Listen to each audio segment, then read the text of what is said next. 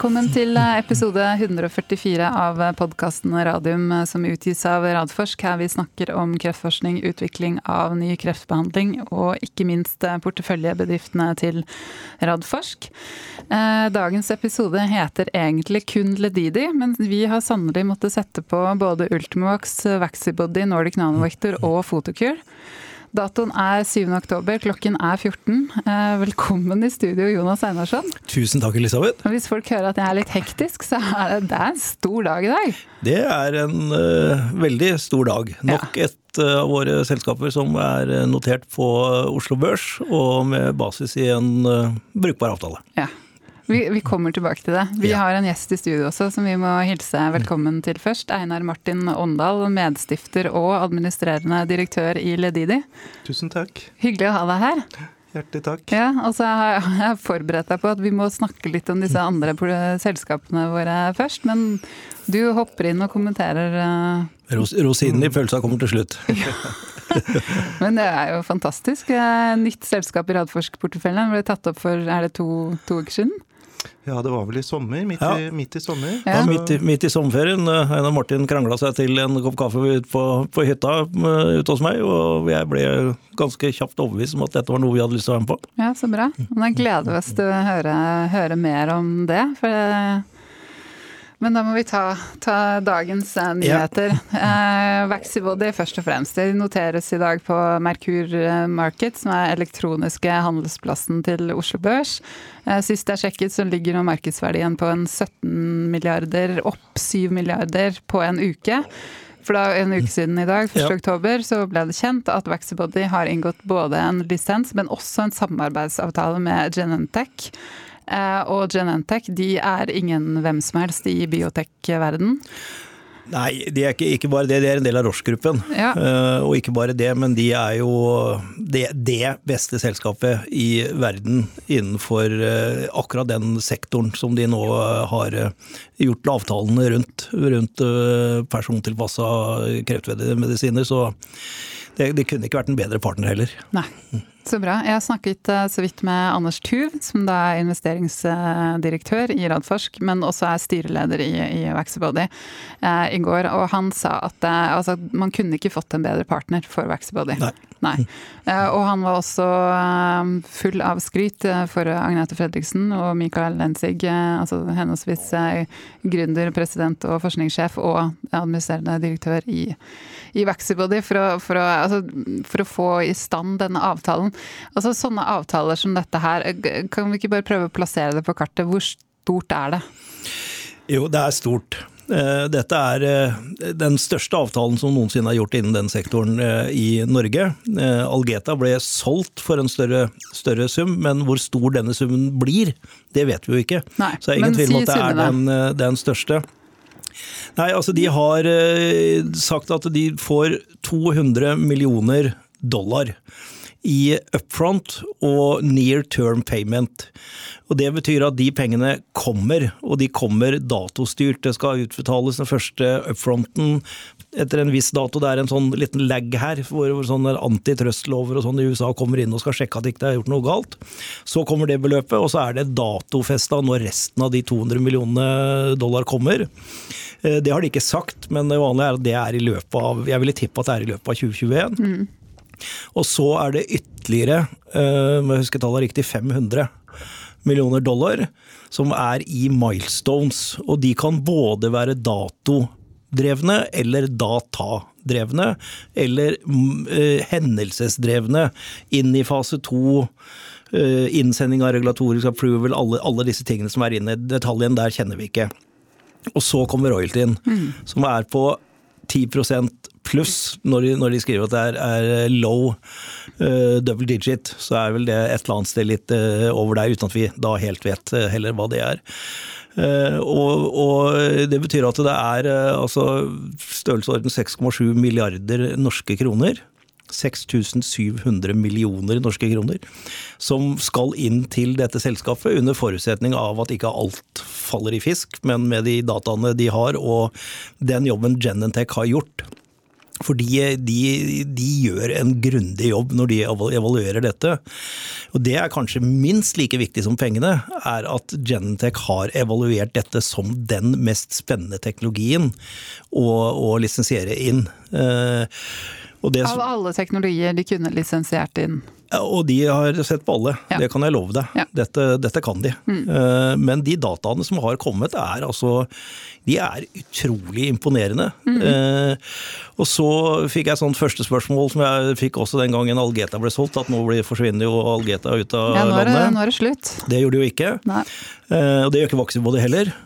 Fordi de har gjort en avtale med en rundt en del av sin teknologiplattform, mm -hmm. som er den persontilpassede uh, kreftvaksinen basert på pasientens egne gener og ja. egne genmutasjoner. De har så mye mer å ta av innen infeksjonsmedisin, uh, ikke minst, og innen det som kalles for shared antigen, altså der, der, hvor det ikke er eh, antigener som bare er tilpasset pasienten, men til en, en sykdomsgruppe. Det er litt tilsvarende den de holder på med med også med Roche, faktisk. Med Roche, ja. I, hvor de tester ut HPV-vaksine eh, sammen med sjekkomkremmer. Ja. ja. Eh, og så spennende nok så skriver de og andre sykdomsområder. Eh, og det gleder jeg meg til, at de skal presentere i hvert fall sin strategi rundt infeksjonsmedisiner i løpet av året. Det har de sagt, og jeg går mm. ut ifra at de også kommer med mer rundt hva er det For vi prøver å bore litt i uka med, med Agnete og Mikael. Hva, hvilke andre sykdomsområder er det? Eh, jeg vet ikke hvilke det er, men det er klart at de manipulerer immunsystemet, som alt som har med immunitet, autoimmunitet, virusinfeksjoner, bakterieinfeksjoner og alt dette beholder Vaxibody. Mm. Og de, de, har jo vært tydelige på at de kommer til å jobbe videre med å få strategiske partner og flere av denne type avtaler. Mm. Så eh, hva som er limiten her, vet ikke jeg, men, eh, men, jeg tror det er lurt å være med på reisen videre. Ja. Nei, for det, det, er jo dette her som er, er, gull når man har en plattformteknologi. At du da kan lisensiere ut en del ja. av plattformen. Her da VBT Neo. Mens det andre det beholder de selv, og ja. da kan utvikle selv og inngå partnerskap. Ja, og et annet typisk teknologiplattformselskap hos oss er jo PCI Biotech. Mm.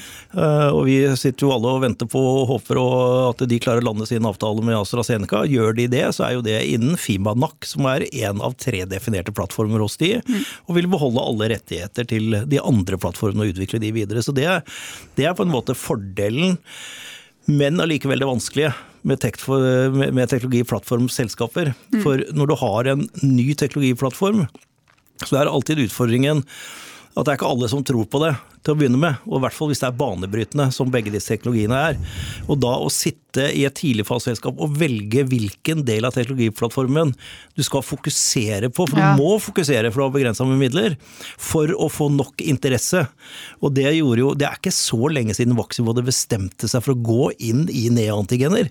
Det er noen år siden. Ja, for det husker jeg at Martin Bonde, som tidligere var ja. Eh, administrerende direktør, og Agnete satt og snakket om faktisk i podkasten, at det var det, de hadde jo ja, duk, dukket ned og sett på hva, hva skal vi satse på nå. De begynte, de begynte jo med HPV-vaksinen, ja. også som et proof of concept. Og det var helt glimrende. Så var spørsmålet skal de gå videre med det.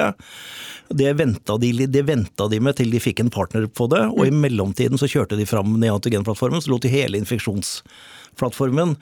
Jeg ikke si at den ligger nede, fordi de har jobba masse har med prekliniske data.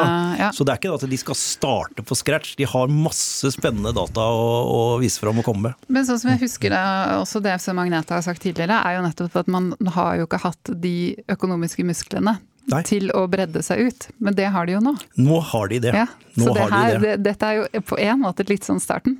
Dette er eh, nå starter Selv om det ligger mye arbeid bak nettopp dette? Ja, altså det, dette er fase to og, og, neste fase for, for Voxybody. Ja. Nå har de virkelig muligheten til å utvikle plattformen, så ja. det er kjempegøy.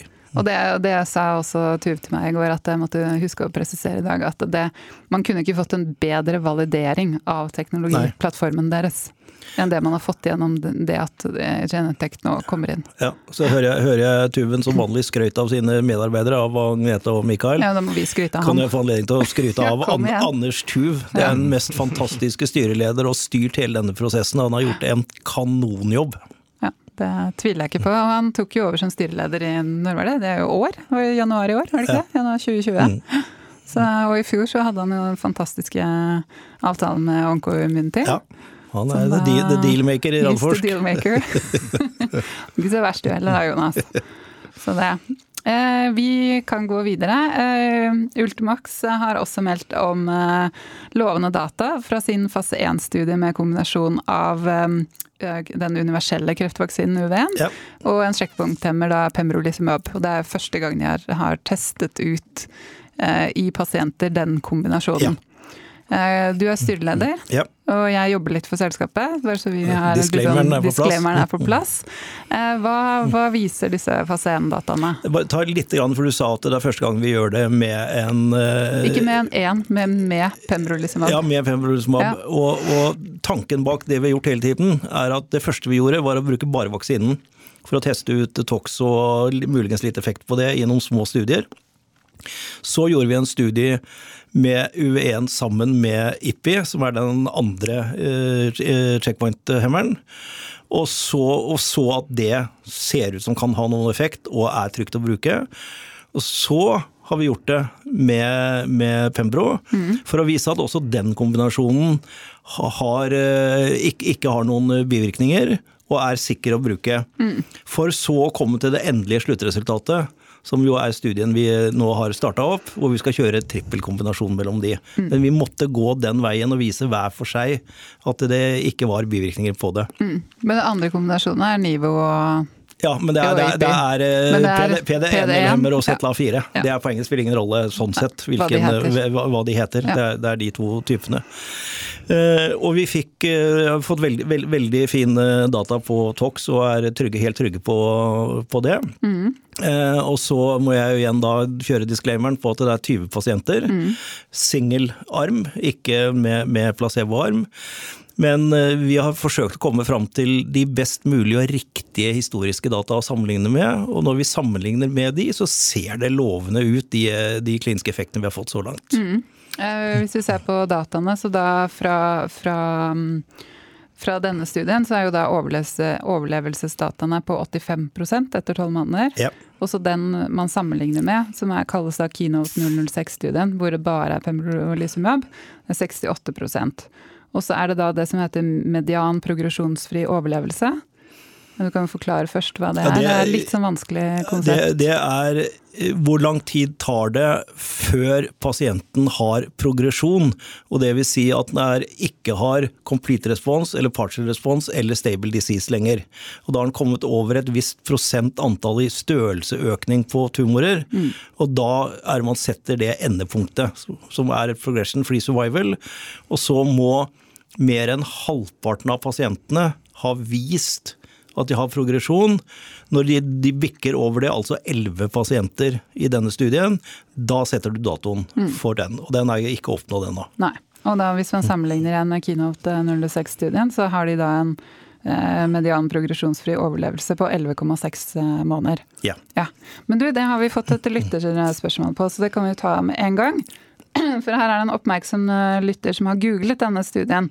Og han får da ikke disse tolv måneders eh, overlevelsesdataene til å stemme Eller det må jo være progresjonsfri ja. Eh, median progresjonsfri overlevelse. Ja. For han har funnet 8,4 ja. og ikke disse 11,6. Ja. Det har han egentlig helt rett i. Eh, og det finnes en veldig god forklaring på det. Mm. Det er kommet flere artikler i anerkjente tidsskrifter om denne Keynote 006-studien. Mm. Det kom en i 2017 som eh, viste tre års overlevelse. Og da er de tallene med progresjonsfri overlevelse riktig i det han sier. Men det var pasienter som både hadde fått første og annen linje behandling. Eh, og da De som har hatt behandling før, de får som regel tilbakefall raskere.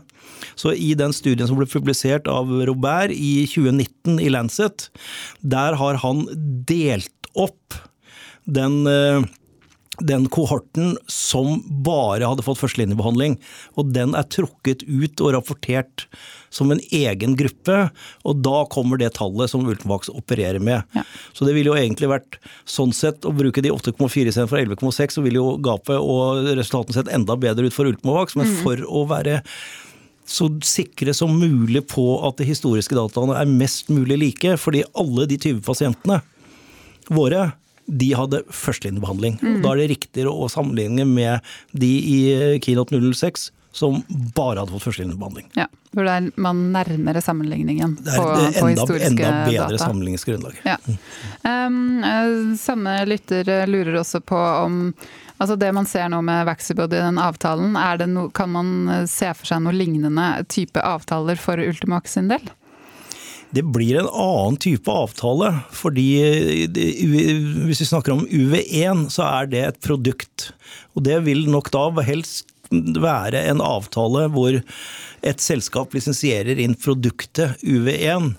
Eh, ikke dermed sagt at de lisensierer inn eller kjøper hele Ultimovax, for vi har jo også mer teknologi i selskapet med TET-plattformen og, UV2 og det vi skal utvikle videre der.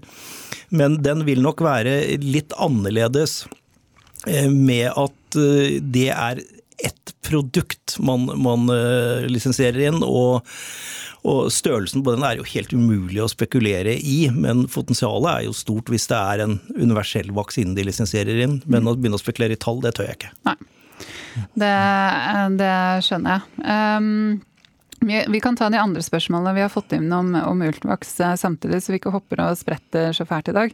Eh, I den eh, pressemeldingen som ble sendt ut om fase 1-dataene, så er det også kommet frem at den avtalen i forhold til denne non-disclosed mm. mysteriestudien The mystery trial. som da skal gå i en ukjent indikasjon med ukjente partnere, at, at den er blitt utsatt da fra Q3 til Q4. Og så er spørsmålet da Uh, Ultimax har, har, kommentert at alt er klart, det mangler kun signering. Er det noen sjanse for at det ikke blir noe av denne avtalen? Det er ingenting som tyder på at det ikke blir noen avtale. Så det regner jeg med at det blir. Ja, For begrunnelsen var jo at det var en Det er sånn som det alltid er med, med disse avtalene. Vi trodde vi hadde tatt oss god nok tid. Nå begynner vi vel snart å lære at vi ikke vi eh, guider på datoren når det gjelder den type avtaler. Men eh, er, her er det tre parter. Det er en Big Pharma-part, det er en akademisk gruppe, og det er Ultimovax.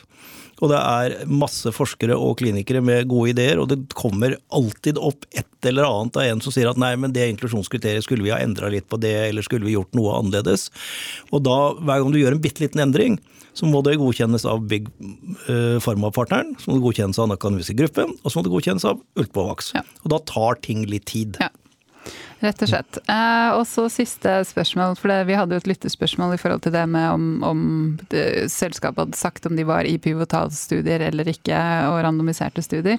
Og så er spørsmålet fra lytteren at um, hva mener Jonas med dette er den nye måten å gjøre det på, når han refererer til oppsettet til Ultimovax med flere randomiserte studier som de ikke kaller pivotalstudier? Så vidt jeg kan skjønne, så er ikke det statistiske grunnlaget Ultimax sitter igjen med etter avlesning noe svakere enn f.eks. PCI Biotech eller Nano, Nordic Nanovector sine dato, datapakker. Og så foreslår han at vi tar inn noen som jobber med det regulatoriske. Det skal vi gjøre. Det mm. bare skjer så mye, skjer så mye annet som vi må snakke om nok, først. Nok en av våre mange oppvakte lyttere. Altså det, det, det, er helt riktig det, at hvis du ser på det statistiske grunnlaget på hazard ratio og det som Jens Bjørnheim har lagt opp til eh, med de studiene våre i Ultimovax, så, så skal de ha, hvis de går inn, så skal de ha god nok statistikk til å kunne feile på det. Mm. Når jeg snakker om den nye måten, så er det vel mer at vi kjører én studie hvor vi har full kontroll selv, som på en måte blir den, kall det gjerne pivotal studie, men, men, vi, men, men da er det Uttrykket pivotal studie blir stort sett brukt når et selskap går all in for å registrere, i en studie for å, for å registrere. Og Vi håper jo at den eh, store studien, den største studien vår blir det, men samtidig så er dette en universell vaksine. og Derfor ønsker vi å underbygge en eventuelt søknad med data fra flere indikasjoner og flere typer kombinasjoner. Eh, antagelig må vi gå i én indikasjon og én kombinasjon når vi søker første gangen, men, men eh, drømmen er jo at vi kan ha en mer generell godkjenning av UV1 som en immunterapi som kan brukes i kombinasjon med mange andre typer immunterapier. Så det er litt sånn strategien rundt det. Og så er det litt semantikk om man kaller det pivotal eller ikke. Ja. Skjønner. Um, Photocure de har eh, da fra 1.10 tatt over både den europeiske markedsføringen og salget av Hexvix, som de da har kjøpt tilbake rettighetene fra Ibsen. Så nå er det i gang? Nå er det i gang. Det blir kjempespennende eh, å se. og Vi får håpe Dan Schneider og, og teamet har rett i det de sier, og det, det, tror jeg på. At dette er ikke noe sånn at de skal starte, de skal ta over noe som allerede fungerer. Og han har jo fortalt i vår podkast at veldig mange av de som har jobbet med, med, dette i Ibsen, nå bare fortsetter å jobbe med det samme. Mm. Eh, og så blir det jo veldig spennende å se på satsingen i England og andre steder hvor Ibsen ikke har eh, fått gjort noe. Så, så, må vi regne med at det drar på seg en del kostnader sånn eh, umiddelbart. For de må bygge opp i England f.eks. En, en egen organisasjon. Men veldig spennende. Ja, Og så er det jo korona. Og det vil jo på en måte Nå som vi på en måte Vi kan kalle det at vi er inne i en andre bølge, er vi ja, ikke det? Ja, Med de smittetallene man ser i både Europa og USA. Så det, det, det, vil jo gjøre det vanskeligere. Det, vi, vi, vet jo fra den hvor vanskelig innsalget er for å få startet opp, og den prosessen som må igjennom for å få, folk til å kjøpe blålys og til å komme i gang. Og det vil nok være en utfordring i, i disse tider, hvor en salgsrep ofte kan bli nekta adgang til sykehuset. Ja. Så det er en utfordring, ja. ja. Men det er jo akkurat her og nå. Korona går jo heldigvis over. Bank i bordet. Um, Photocure de har også blitt tildelt uh, patent som gjelder i Europa. Det er da for uh, Sevira, altså den uh, medisinsk-tekniske ja. behandlingen av livmorhalskreft som de har da lisensiert ut til um, Asieris. Ja. ja. Er, Men patenter, det må man ha. Patenter er bra, og det viser jo bare at de, de har klart å utvide patenttiden på Sevira. Og det øker verdien for Asieris, så det er jo spennende å se. Vi venter jo på første pasient dosert der også, så det er også spennende. Mm. Eh, og sist, eh, men ikke minst, altså Nordic Nanovector har hentet inn 231 eh, millioner kroner i en retta emisjon. Og da, det er jo for å drive paradigmestudien yeah. på betalutin videre. Da har, det vil si at de har midler inn i Q3 2021, som har vært altså ytterligere altså en stor mm. forlengelse fra det, ja. de, det de hadde. Eh, men de må Jeg tror de mener de meldte i den eh, børsmeldingen at de nå må, altså de må hente penger eller låne eller inngå partnerskap i løpet av første, første. halvår 2021. Absolutt. En, ja. en, av de tre tingene må de lande i løpet av første halvår. Ja. Hva tror de du lander på? Nei, er du er jo ikke synsk, men litt? Det er helt umulig å, å, spekulere i. Eh, jeg trodde vel at det var en partneravtale eh, som ville kommet først, men eh, da spørs det hvor kjapt de får opp rekrutteringstakten.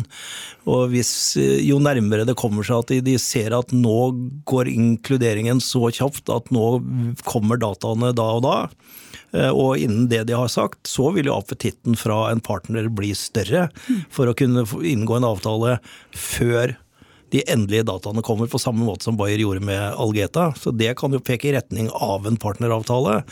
På den annen side så kan det være at markedet plutselig begynner å bli litt, litt eh, hottere igjen, og det å hente inn 150-200 millioner til sikrer at du kan sitte på forhandlingsbordet med de endelige dataene. Så mm. dette er en strategi som de bare må jobbe med hele tiden. Så jeg vil ikke tippe akkurat hva det blir. Nei, Nei men det skal du ikke trenge å gjøre heller. Men du er litt mer litt mer ekspert på dette enn de, enn de, fleste. Vi har fått en kommentar fra en lytter eh, i forhold til om ikke du kan kommentere på det. Han mener jo da at når du ser på de tallene, altså hva de har brukt på, på antall pasienter, så altså mener han at da de har, de har brukt 10 millioner kroner per pasient rekruttert i Paradigme Arch1 eller Limerick 3705 siste 18 ja, jeg, Jeg syns det er et litt søkt regnestykke. Ja, eh, fordi de gjør jo mye annet også. Ja, og, og de må jo drifte selskapet, og, og, det koster å sette opp sites og alt dette her. Mm. Sånn at, og utsettelser koster, og det er utsettelsen som har kostet. Det, ikke, det har ikke vært mer kostnader per pasient. Eh, men, men, det er klart at driftskostnadene ligger der, og når det tar lengre tid og rekrutteringstakten går sakte, mm. så kan man jo gjøre seg dette regnestykket og si om det er et godt nok håndverk. Men eh, ja, men det er mye man kan gjøre med matte. Jeg husker Ultimox hadde et pussig oppslag i DN for noen år siden når de overtok den svenske delen av, av Imeny, det var ja, ikke det de het? At de hadde betalt 25 millioner per hode ja. fordi de fikk med seg to ansatte ja. inn.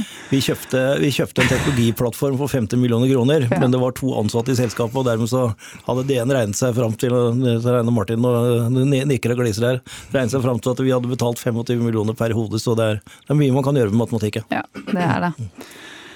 Um, ja. Det, det, var, det var dagens lille oppsummering. Ja. må ikke dra på høstferie, er konklusjonen min. Men da, da, Einar Martin, da er det Ledidi. Ja. ja. Uh, men jeg tenker før vi begynner med det, kan ikke du si litt om deg selv? For det er første gang du er i podkasten, og da syns vi det er hyggelig at eh, lytterne blir litt bedre kjent med de vi har som gjester. Ja, tusen takk. Ja, min, eh, jeg har en, en, en, lang bakgrunn for så vidt. Så, så eh, opprinnelig så var jeg molekylær eh, immunolog, så jeg er veldig relevant med de andre selskapene her. Ja. så jeg har drevet med alle reseptorer og antistoffer og, og, og celletyper. Men også kombinerte jeg etter hvert da immunologi med kirurgi, og da ble det transplantasjonskirurgi. Så jeg har vært på Rikshospitalet da, i, i, i ti år, faktisk, før jeg nå er fulltid i, i Ledidi. Mm. Så, så, men jeg har drevet mye med data underveis, og, og, det var jo egentlig det som var bakgrunnen selvfølgelig for Ledidi. Mm. Så vi, vi, har vært eh, sentrale med databaseløsninger og registerløsninger og analyseverktøy tidligere også innenfor for eh, transplantasjon, f.eks. Mm. Ja, for det, det, har jeg liksom skjønt er bakgrunnen for selskapet. Du skal snart mm. få presentere teknologien, men, men det her var jo et reelt behov dere så i, altså på sykehuset? Som ja, gjorde at så um, det som, er, det som er uh, hovedfokuset i Lididi, er jo løsningen som heter Projects. Uh, og det er jo en generisk uh, plattform, egentlig. En skyløsning for for database, register og analyse, statistikk, grafisk presentasjon av data. Eh, og egentlig av alle typer data, men, men, vår bakgrunn er jo fra medisin. sånn at hele løsningen er designet egentlig med, mot da klinisk forskning og, og, registerforskning, og egentlig alt av helseforskning da, bredt. Reportare, analyser og grafisk presentasjon er veldig tilpasset det. Men som sagt, det er en generisk løsning, så da har bruksområdet også langt utenfor medisin. Eh, men i første omgang så fokuserer vi da på, på medisin, for det er der vi kommer fra. Der er det et, et svært udekket behov som er egentlig generelt ikke for Norge, men som, eh, som er, er gjengs egentlig over hele verden. da. Mm. Men hva var det dere så, eller hvorfor har man dette behovet? Ja, det kan du si. Altså, vi har jo drevet mange typer forskning selv. Vi var fem som grunnla selskapet, og to av oss er, er leger og, og, kirurger, men også forskere. da. Uh, og, og, slik man jobber i dag med data, så sitter man og jobber i mange ulike programvarer. Altså en databaseløsning, og gjerne så sitter man Veldig mange sitter med rådataene rett i Excel-ark, ikke sant, med, med data i rader og kolonner.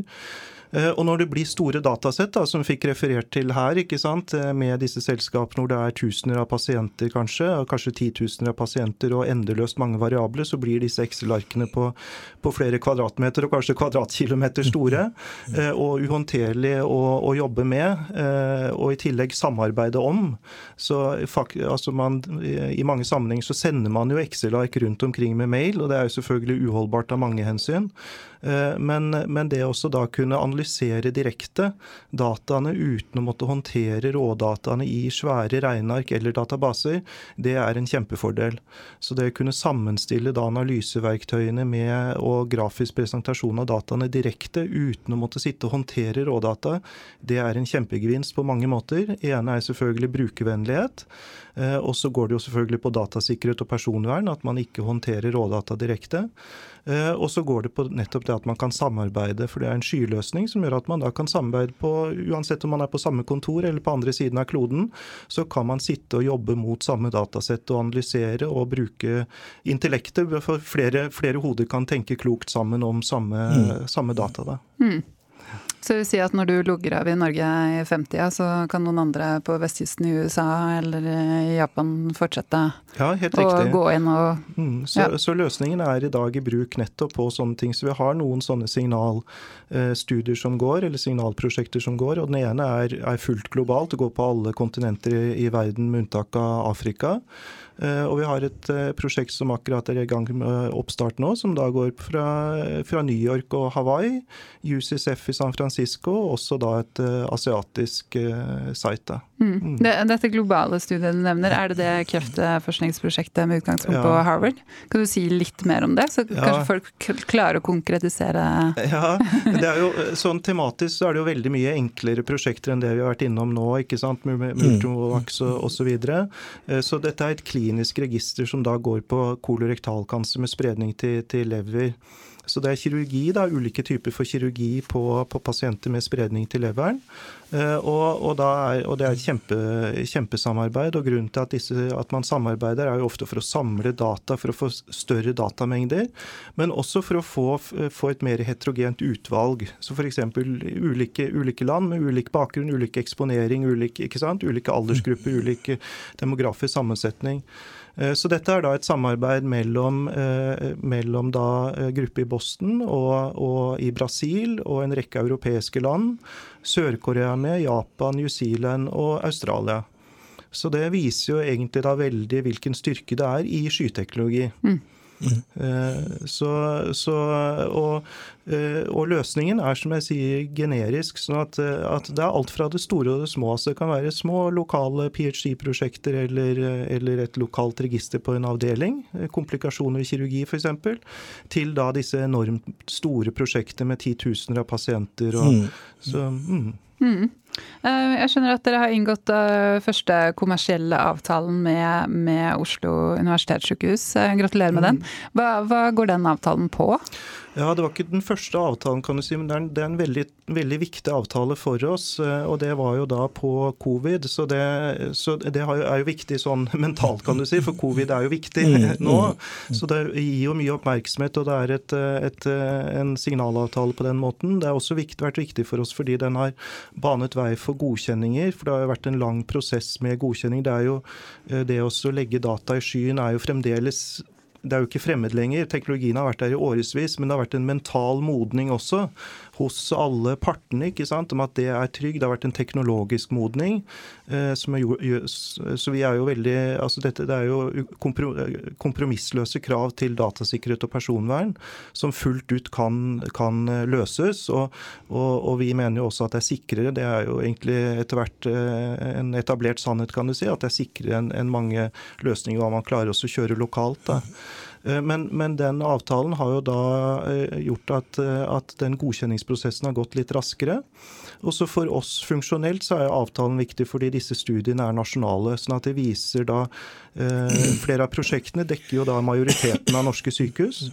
Så viser jo igjen da potensialet ved å bruke en sånn løsning i forskningssamarbeid. Mm. Og, er det noe covid-krisen har vist, så er det nettopp behovet for forskningssamarbeid og transparens og åpenhet for oss å få store materialer og komme raskt til resultater. Og nå er jo disse studiene nasjonale, da, men det kunne like gjerne vært internasjonale. Så det er en veldig god plattform for den type samarbeid som da covid-pandemien har, har, eh, har, vist. Mm. Mm. Ja, Så for dere så er det en fin pilot å vite vise ja. fram. Mm. Så bra. Um, vi har vært inne på det med at det kan brukes ikke bare til eh, medisinsk forskning, men all forskning. Men uh, vi var vel så vidt innom det med Vaxibody. altså sånn, Når man har på en måte alle muligheter, så må man velge. Så hvem tenker, hva er liksom primærkundene nå, og hvordan mm. skal dere nå ut til dem? Ja, nå, Vi retter oss mot helse nå. altså Helsebrett, ikke bare helseforskning, men altså det som da går under definisjon kvalitetsregisteret også. Eh, og Det er jo noe som gjøres på alle sykehusavdelinger eh, verden over, egentlig. Og, og, innenfor ikke bare sykehus, men ikke sant, all type helsetjeneste. Og, eh, man må holde orden på hvilken, hvilken kvalitet man, man leverer. Så, så, bruksområdet innenfor helse er veldig bredt. Så nå, nå, retter vi oss mot det. Og det er klart som et selskap som erfaringen er at man må lykkes i hjemmemarkedet, eller få, et fotfeste. Uh, både da ikke sant, sånn med produktmessig å vise at dette er liv laga, rett og slett. ikke sant, Men også finansielt at man får et fotfeste. Så, så, så vi er, men vi er veldig mentalt i en transisjon hvor vi, hvor vi retter oss ut. Og, og sånn som vi var inne på i stad, så så, er vi allerede er jo internasjonal bruk. Uh, og, og, det som er fantastisk med Projects, er dette med multisenter samarbeid. Forskningssamarbeid. Så, så, veldig mye av den aktiviteten som vil være på plattformen i Norge, vil jo da være forskningssamarbeid ut av landet også. Mm. Men, men fokuset vårt nå er utelukkende helse, og så har vi det bakhodet at, eh, at det har et bredt bruksområde mm. også utenfor helse. Men vi må fokusere. Mm. Mm. Men, men, det som jeg umiddelbart eh, tenker på da, er eh, kan dette brukes inn i f.eks. kliniske studier? Ja. For de er jo typisk sånne som går over altså hele verden. Mm. Masse forskjellige utprøvere, forskjellige pasienter, store datasett? Ja, helt riktig. Så en del av de studiene vil være egnet. Men vi har, eh, det er eh, funksjonalitet som, er, som vi jobber med, som kommer i, som vi er litt usikre på blir, et, e, som blir en egen løsning, en helt egen løsning, eller tilleggsmodul. Og det går på randomisering og monitorering. Eh, og, og, der teknisk så er det ikke så mye som skal til for at, eh, at, vi kan implementere det ganske raskt. Men vi har tatt et strategisk valg om at vi ønsker oss å da gå for fulle godkjenninger på det, med tanke da på FDA og europeiske legemiddelmyndigheter, og har valgt altså gjøre den utviklingsprosessen litt langsommere og litt mer reg, regulatorisk. Ja. Og følge alle steps, sånn at ikke vi får noen glipper underveis. Og har også valgt oss å, å gjøre det med en kommersiell partner. Så det har vært et strategisk arbeid. så Sånn som bruksområdet nå, for løsningen nå, så er det mer det som da kalles registerforskning fremfor randomiserte studier. Mm. Mm. Ja, men det er Kjempespennende. da. Men det, det jeg også stusser litt på er hvorfor har man ikke dette i dag. ja. ja det... for, for, dette her er jo sånn som man må ha klødd seg i hodet over ja. og vært frustrert over. Eh, altså tusen, kanskje mm. millioner av forskere verden over. Ja, og det, kan, det lurer jo vi også for så vidt på. så bra for dere å komme på det. Du er ikke den første som spør om det, ikke sant. Så, så, og, og, jeg skal ikke ta helt æren for ideen. Vi var fem stykker, og det var ikke jeg som hadde primærideen til, egentlig til grunnkonseptet. Eh, og det, det er rett og slett en genial idé. Eh, det, vi, det er vi veldig det, det, er vi klar over, egentlig, og det, og det er det. Eh, og så kan du si Noe av grunnen til at ikke det er blitt gjort, er også at teknologien ikke har helt vært der. Fordi på en måte grunnlaget her er skyløsning. Ja. Eh, og det også skulle kjøres helsedata eller persondata i skyen, det har vært en fremmed tanke. og det er det ene. Og det andre så kreves det såpass mye funksjonalitet for å kunne kjøre en sånn løsning i en nettleser- og skyløsning, sånn at selve da eh, beregningene, statistikken, grafisk presentasjon, der er på en måte teknologien kommet etter hvert og gjort det på et så høyt nivå at man kan konkurrere da med de tradisjonelle programvarene. da. Mm. Mm. Ja, for her er det jo giganter eh, ute og går med Google og Absolutt. Microsoft og Amazon og mm. ja. Nei, altså, og, og, Løsningen vår går jo på Amazon sin skyløsning. og De har jo vist veldig interesse egentlig helt fra de fanget oss opp. som Vi er jo kunder av de, ikke sant? De er jo en underleverandør hos oss. Men de har vist veldig interesse, så vi har jo hatt da støtte av det globale tech-teamet til, til, Amazon. Og de har også bidratt da med juridisk rådgivning og sånt i form av regulatoriske spørsmål. Hmm. Så sånn konkurransesituasjonen sånn som nå er bra? Ja, Per i dag så har vi jo ingen konkurrenter som vi er klar over. så har, Det er jo tilgrensende løsninger, men ikke noen som konkurrerer innenfor samme bruksområde, og heller ikke har samme på en måte funksjonalitet. Eh, men det fins brødre og søstre der ute eh, innenfor andre fagfelt, og også innenfor kan du si, medisin, men ikke samme bruksområde, ikke samme kundesegment. Eh, kan du si. Mm. Så bra. Ja. Uh, og antall ansatte dere har nå? Ja, altså vi, vi, er jo, vi er jo en sånn transisjon fra startup, gründer, til å bli et større selskap. ikke sant? Sånn at, at fremdeles er jo en stor andel av arbeidsstokken er jo på konsulentbasis, men totalt sett så er vi oppe under 20 nå, da. Ja, og det ble starta i 2016? Ja, eh, selskapet ble etablert i 2016, ja. Mm. Ja, Jonas. Ja. Hvor, hvorfor eh, en liten kaffekopp eh, ute på hytta? jo, det, det, punkt én. Eh, vi har ikke all verdens eh, erfaring med den type selskaper, men vi har en veldig god erfaring. Å gå inn i noen som hadde en god idé som var, var innenfor eh, software og helse. Eh, det er heller ikke vanlig for oss å gå inn i et selskap som nærmest har produktet ferdig og har kunder. Det pleier å være en 10-15 år til det. Det pleier å være det vi, du og Anders gjør. Når, når, når vi går inn. Eh, og heller ikke at vi kommer inn såpass seint i, i, løpet i, i, runder av finansiering. Men det var, det var, flere ting. Det ene jeg falt for, var når Martin kommer og jeg sier Ledidi. Eh, hvorfor det? Og svaret var at ja, Ledidi er en frukt. Og det er jo sånne fruktkompanier har jo lykkes tidligere. Og da tenkte jeg da kan jeg ta Forrest Gump sin uh, setning. I have invested in a fruit company. It's called Apple. Så vi satser på at de, de blir like bra.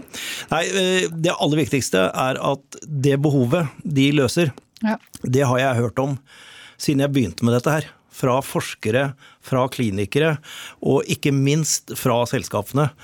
Og den tiden det tar å samle inn data, hvor det må være en representant fra et CRO som reiser til et sykehus, sitter og blar igjennom Excel-ark og papirer og noterer og fører inn dataene, og når forskerne så, eller klinikerne skal samle opp dataene, og vi er bare så ivrige etter å få ut en publikasjon, fordi det er det data og publikasjoner vi lever av i selskapene. Den frustrasjonen over den tiden det tar. Og så sitter han på hytta ute hos meg med et litt dårlig nettverk og viser hvordan han kan bare med, ut fra de dataene som da er samla i dette, omtrent bare trykke på en knapp, og så spretter det opp grafer og tabeller og ferdig tygd data. Da var jeg solgt. Så, mm. så det, og, og jeg syns det var viktig å si at at Radforsk tror på dette selskapet og, og, denne ideen, og at det er viktig at vi utvikler det selskapet. Så det, det var grunnen til at vi eh, gikk inn. Mm. For, for det, ja, nettopp for det, er jo som du sier et helt annerledes selskap enn de andre, sånn som det kommer tydelig frem når vi snakker om sånt som Maxibody og Ultimax. Ja. Men, men, samtidig så eh, på en måte vil dere jo understøtte nettopp den jobben som de andre selskapene gjør. Mm. Mm. Ja, så sånn sett så passer dere inn. Ja, ja, ja kan absolutt. Si det, og vi har jo drevet med mye av på en måte parallell forskning som disse selskapene har drevet med, ikke sant? Eh, gjennom, gjennom 25 år. da. Eh, så vi, vi, løser jo egentlig det behovet som vi har hatt selv, mm. gjennom den løsningen. Mm. Det, det, var jo nøyaktig samme begrunnelse når vi gikk inn i en community. Ja. Det, det var, her er det noen som kommer med en løsning på et problem som vi vet er viktig for forskere, klinikere og for selskapene, og da er det helt naturlig for oss å være med. Mm. Og det, og det, altså Jonas og Radforsk er jo ikke de eneste som har troa av profilerte investorer. Du forteller mm. litt mer om de andre som har investert i, i Ledidi? Ja, Nei, Vi har vært veldig heldige med investorer på, på, på, på, mange måter. Eh, og når du da tenker på de finansielle investorene, så fikk vi jo med oss veldig tunge og erfarne investorer fra softwarebransjen tidligere. da. Eh, så Bjørn Stray, som da står bak Northzone, ble jo med på et veldig tidlig tidspunkt. Og så, og så var vi veldig heldige og fikk med Eilert Hanoa, som, da, ikke, som er CEO i Kahoot, eh, og som har bred erfaring innenfor software. Så mm. det som har vært et fokus for oss, det er også å sørge for at vi klarer å, å tiltrekke oss den kompetansen vi ikke har selv, rett og mm. slett. Eh, og, det, og, vi har da fått en kombinasjon da av eh, finansielle investorer som er veldig gode på selvfølgelig da selskapsbygging eh, og software. Dette er et software-selskap, så vi, vi, har jo alle de på en måte fordelene og, og utfordringene som ligger i det. Eh, og så har vi også da fått med investorer fra helse, eh, som da har, forstå, som har forståelse av produktet, bruk av mm. produktet, forståelse av markedet, markedspotensialet ikke sant? og arbeidsflyt som løsningen løser. Det er klart at de, Når de også er villige da til å investere i selskapet, så gir det tillit til de finansielle, de rent finansielle. sånn at det har vært en veldig sånn god kombinasjon eh, hele veien. Og, og, For oss er det jo kjempemorsomt at Radforsk har blitt med ikke sant? som en eksponent nettopp for den veldig veldig brede forståelsen av det, helt fra det finansielle til, til, hva produktet gjør og løser, og hvordan man jobber med, med dataene. Da. Mm. Mm. Og Det er jo kanskje den unikheten som disse andre investorene, som er som du sier, mer software-investorer, har sett også? da?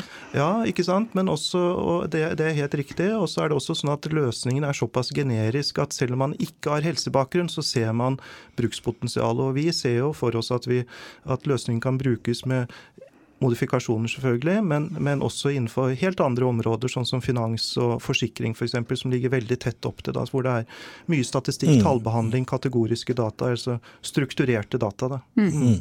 Det er kjempespennende. Det høres jo ut som Eh, sky is the limit eh, her? ja, skal, det, er, det, er, det, alltid morsomt å håpe om man skal tro. Og man skal ha litt naiv tro også, men også må man være realistisk og, ja. og, og sette milepæler og, og, mål. ikke sant? Mm. Og, det er vi veldig fokusert på. Og, noe av det som er aller viktigst, det er jo også å hele tiden være troverdig og transparent. For vi, vi, slik slik, den type data vi håndterer i dag, det er helsedata. Det er ekstremt verdifullt mm. for, for selskapene som vi snakker om gjennom her for forskerne, men også er det også kliniske data som har konsekvenser for pasientbehandling. ikke sant? Så, mm.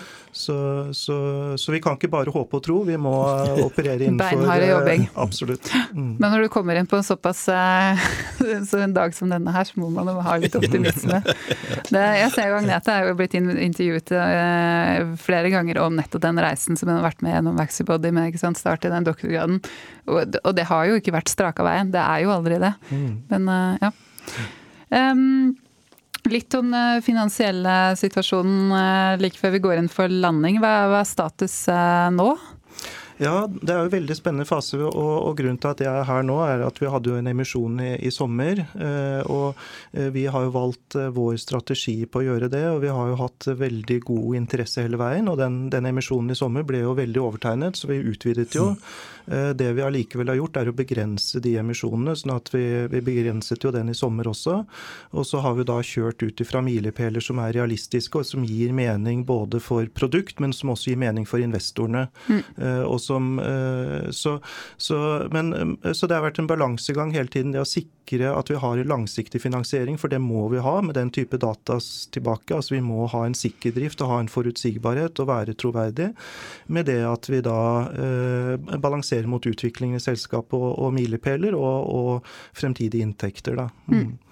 Men, men ehm, hvor, jeg vet ikke hvor mye du kan si i forhold til eh, hva som er offentlig og ikke offentlig, men hva er dere priset til nå? Hva fikk dere inn i den eh, emisjonen som var eh, i sommer? Ja, nå vil jeg ikke gå helt direkte inn på tall. Nei, det er helt greit. Jeg må men, spørre, så kan ja, du, du, si det. Du må, det er lov å spørre. Men, men, det jeg kan si er at vi, at vi, vi, gjør, vi kjører veldig på en måte nøktern og solid. Nå leter jeg litt etter ordet, men, men, men Eh, så vi har veldig langsiktig og god finansiering. Ja. Mm. Mm. Så er, noe, er det noe det, det, som da de, våre lyttere da vil lure på, er når er neste emisjon? Hvordan kan man ja, komme inn? Ja, det forstår jeg. Og, det, og det, det kan, eh, eh, emisjon, neste emisjon vil nok i første omgang være, være, avhengig av hvor raskt vi ønsker å skalere selskapet. Eh, og så er vi også nå i en fase hvor, hvor, hvor vi ser at vi, kan, vi, kommer til å få meningsfylte inntekter. ikke sant? Mm.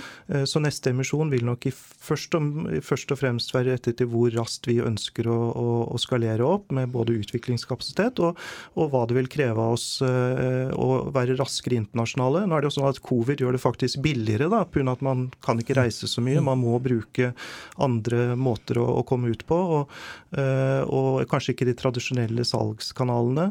Så, men, men vi, vi, vårt fokus nå er nesten utelukkende hvordan vi skal legge strategien for internasjonal uh, komme og få rask, raskest mulig fotfeste og fotavtrykk ute. Mm primærmarkedene dere tenker på da? Er det USA, Europa? Ja, det er egentlig ikke noen grenser, kan du si. Men det Nei. som er veldig det, som, det, er klart at det som har vært den største utfordringen for Lididi, det har ikke vært utvikling av, av produkt. Altså det, det krever eh, sivilingeniører uh, for å gjøre det. Mm. Uh, og, og, vi har god forståelse, men det som har vært den største utfordringen, kan du si, det er det regulatoriske, dette som jeg var inne på.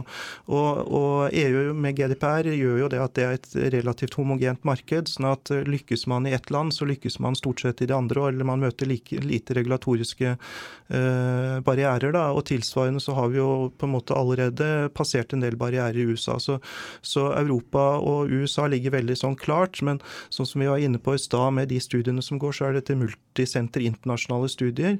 Eh, så det er egentlig der hvor samarbeidene er. Mm. Eh, så vi, vi, retter oss ikke inn mot et, et land eller et område. Det vi fokuserer på er multisenter samarbeid. Hvor mm. er samarbeidene? Hvilke miljøer driver samarbeidene? Hvilke institusjoner er det som er, som er, de, som er de, aktive? da? Mm. mm. Skjønner. Det er litt annerledes enn det man tenker med ja. legemiddelselskaper. Det er det.